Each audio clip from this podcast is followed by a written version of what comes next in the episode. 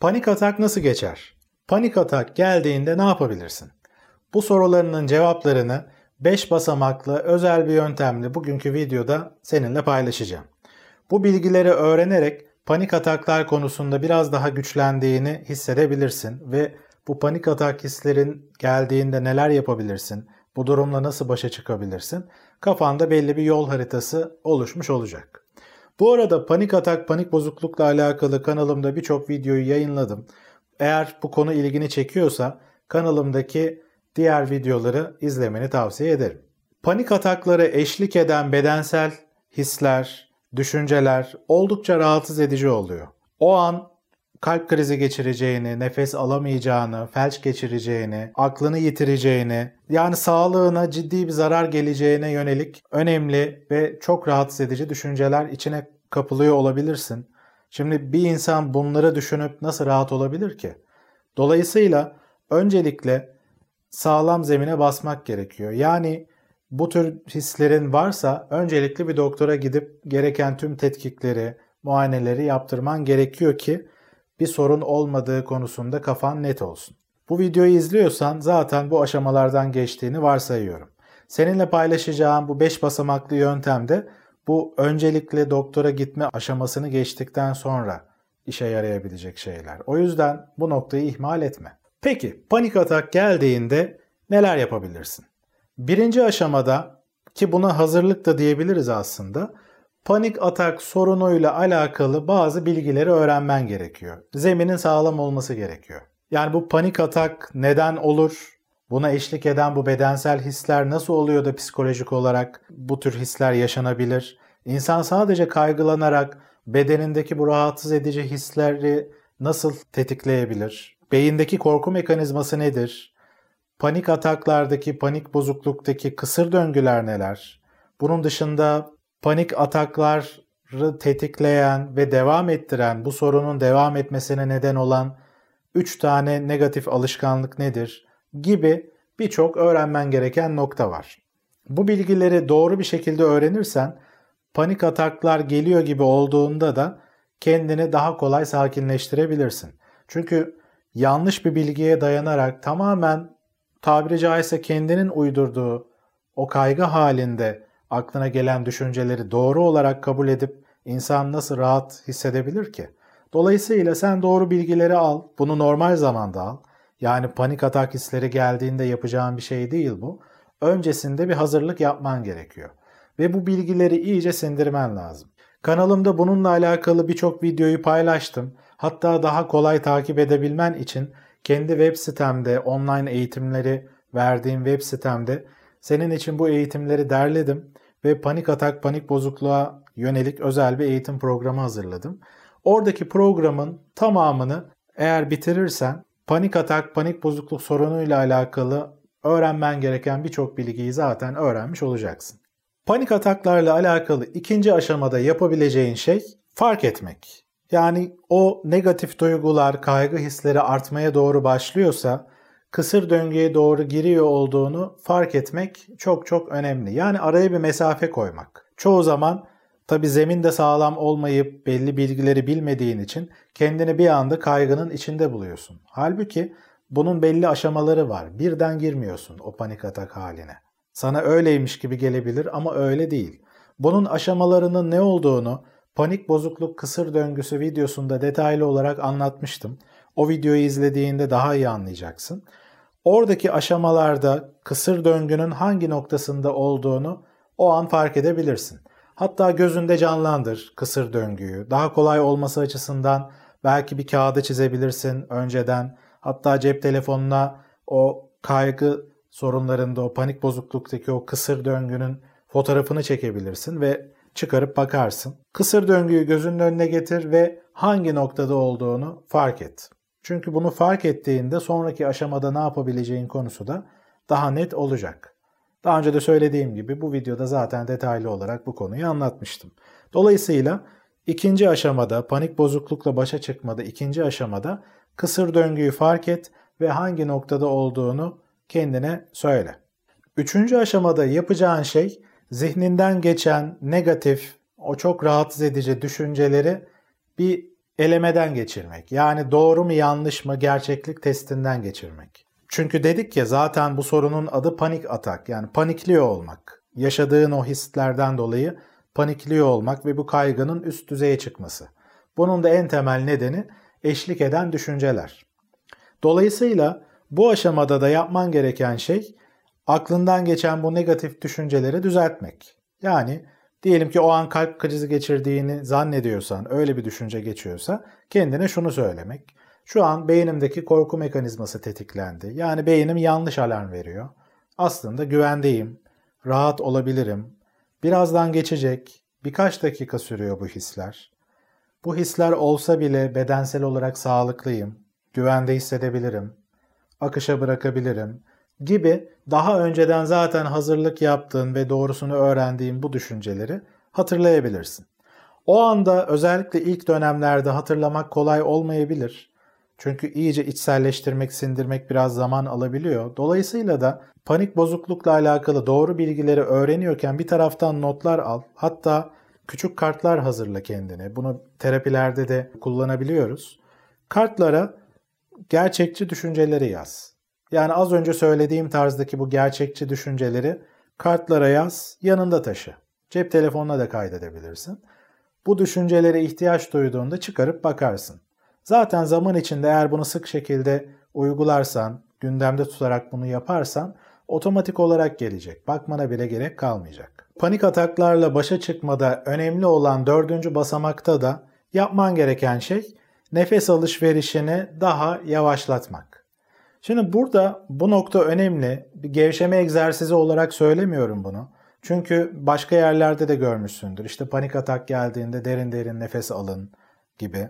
Şimdi bu panik bozukluğu devam ettiren 3 alışkanlık videosunda da anlattığım gibi bir önlem haline geliyorsa yani ben derin derin nefes alıp kendimi rahatlatmazsam panik ataklar benim sağlığıma zarar verecek, kötü şeyler olacak gibi bir düşünceye dayanarak eğer bu gevşeme egzersizi gibi algılayıp bu nefes alıp vermeyi eğer böyle algılarsan o zaman aslında o kaygı halin alttan alta devam ediyor. Dolayısıyla burada çok ince bir çizgi var. Dördüncü basamakta seninle paylaştığım bu yöntem senin konforunu daha artırabilmek ve beynindeki o alarm mekanizmasını daha kolay bir şekilde sakinleştirebilmek için önereceğim bir şey. Çünkü panik atak hissi geldiğinde otomatik bir şekilde daha hızlı bir şekilde nefes alıp vermeye başlarsın. Bunun nedenlerini daha önce anlatmıştım. Daha yüzeysel bir şekilde nefes alırsın. Bunu da almaya başladıkça bir noktadan sonra kaslarını yormaya başlarsın ve kasların yorulduğu için de sanki nefes almakta zorlanıyor gibi hissedersin. Ne kadar yorulursan yorul, nefes almakta aslında zorlanmayacaksın. Şimdi bu noktada da bu hislerle birlikte kendini daha fazla yormamak açısından nefes alışverişini biraz daha yavaşlatmayı seçebilirsin. Seçebilirsin diyorum. Çünkü yapacağım deyip hemen yapmak kolay olmayabiliyor ve otomatik de olmuyor. Bunu seçip dikkat etmek gerekiyor. Bir sürü e, farklı farklı bünyeden bünyeye değişen tarzda birçok öneriler var. Ama benim sana önerim 3-4 saniye boyunca nefes alman, içeride bir 2 saniye tutman ve sonra 3-4 saniye boyunca yine nefesi serbest bırakman. Nefes alıp veriyorken göğüs bölgesinin şişmesi değil de karın bölgenin şişmesine izin ver. Yani şu yanlış bir nefes şeklinde aldığında aslında burada bir gerginlik yaratıyorsun. Ki zaten panik atakla alakalı bu kaygı hisleri geldiğinde de daha yukarı bölgeden hızlı hızlı nefes alıp verme ihtiyacı oluyor. Bunu daha aşağıya indir. Ki ses sanatçıları, tiyatro sanatçıları da e, sesini kullanan kişiler bu diyafram nefesi üstünde çokça çalışırlar ve kendilerini eğitirler. Bunun hem gevşeme rahatlamaya faydası var hem de açıkçası doğal nefes alma şekli de böyledir. Mesela küçük bir çocuğu izlediysen, uyurken izlediysen görmüşsündür. Karın bölgesinden nefes alıp verirler. Çünkü doğal olan nefes alıp verme şekli böyle. Dolayısıyla kaygıların artıyor gibi olduğunda da doğal bir şekilde nefes alıp vermeye dikkat et. Ama yine uyarıyorum panik atağı geçirmek, bir tehlikeyi ortadan kaldırmak için değil bu söylediğim. Kendi konforunu artırman ve o süreci daha rahat bir şekilde geçirebilmen açısından buna önem ver. Panik ataklar geldiğinde yapman gereken en önemli basamak aslında 5. basamak. Şimdi daha önceki basamakları eğer doğru şekilde yaparsan 5. basamağa geçmek daha kolay oluyor. 5. basamakta akışa bırakmak. Panik atak hisleri geliyor gibi olduğunda yapman gereken şey aslında hiçbir şey yapmamak. İronik ama ekstra bir şey yapman gerekmiyor. Çünkü zaten ortada panikleyecek bir durum yok. Dolayısıyla ciddiye alıp bir önlem almana, bir şeylerden kaçınmana gerek yok. Yine şeyi hatırlatıyorum tabii ki. Zaten doktora gittin ve doktor sana sağlıklısın, fiziksel olarak bir sorun yok, psikolojik olarak bu bir kaygı sorunu, strese bağlı olarak şeklinde zaten sana bu bilgiyi verdiğini varsayarak bunu söylüyorum. Bu beşinci basamakta yani yapacağın şey akışa bırakmak. Bedenindeki bu hisleri fark ettiğinde ekstra bir önlem almamaya çalışmak. Mesela kapı pencereyi açayım, işte dışarıda gideyim bir dolaşayım ya da dışarıya çıkmayayım. Çıkacaksan çıkmamak mesela. Tansiyonuma bakayım, bir gideyim bir su içeyim, bir kendime geleyim gibi ekstra bir şeyler yapmaya çalışma. Çünkü bunları yaptığında alttan alta şunu besliyorsun. Bu panik hata bir an önce geçirmem lazım diye. E, bunu da düşündükçe zaten o kısır döngüye girmiş oluyorsun ve kısır döngü giderek bir girdap gibi seni içine çekmeye çalışıyor. Dolayısıyla zaten panikleyecek bir durum olmadığını kendine telkin ediyorken bir taraftan akışa bırak ve o an ne yapıyorsan onu yapmaya devam et. Yani herhangi bir şey izliyorsan televizyondan izlemeye devam et. Çocuklarınla ilgileniyorsan onlarla ilgilenmeye devam et. İşinle uğraşıyorsan işinle uğraşmaya devam et. Belki biraz daha yavaşlatabilirsin. Olabilir. Tüm bunları yapabilmek için kendine bir alan açmaya ihtiyacın olabilir. Ama bariz bir şekilde herhangi farklı bir şey yapma. Yani bu panik atak konusu seni herhangi bir şeyden alıkoymasın. Tamam o an belki konforun bozuluyor olabilir. Bunu da kendine telkin et. Şu anda konforum bozuluyor ama sağlığım bozulmuyor. Sağlığım gayet iyi. Konforum da birazdan daha iyi hale gelecek. Şeklinde kendine telkin edebilirsin.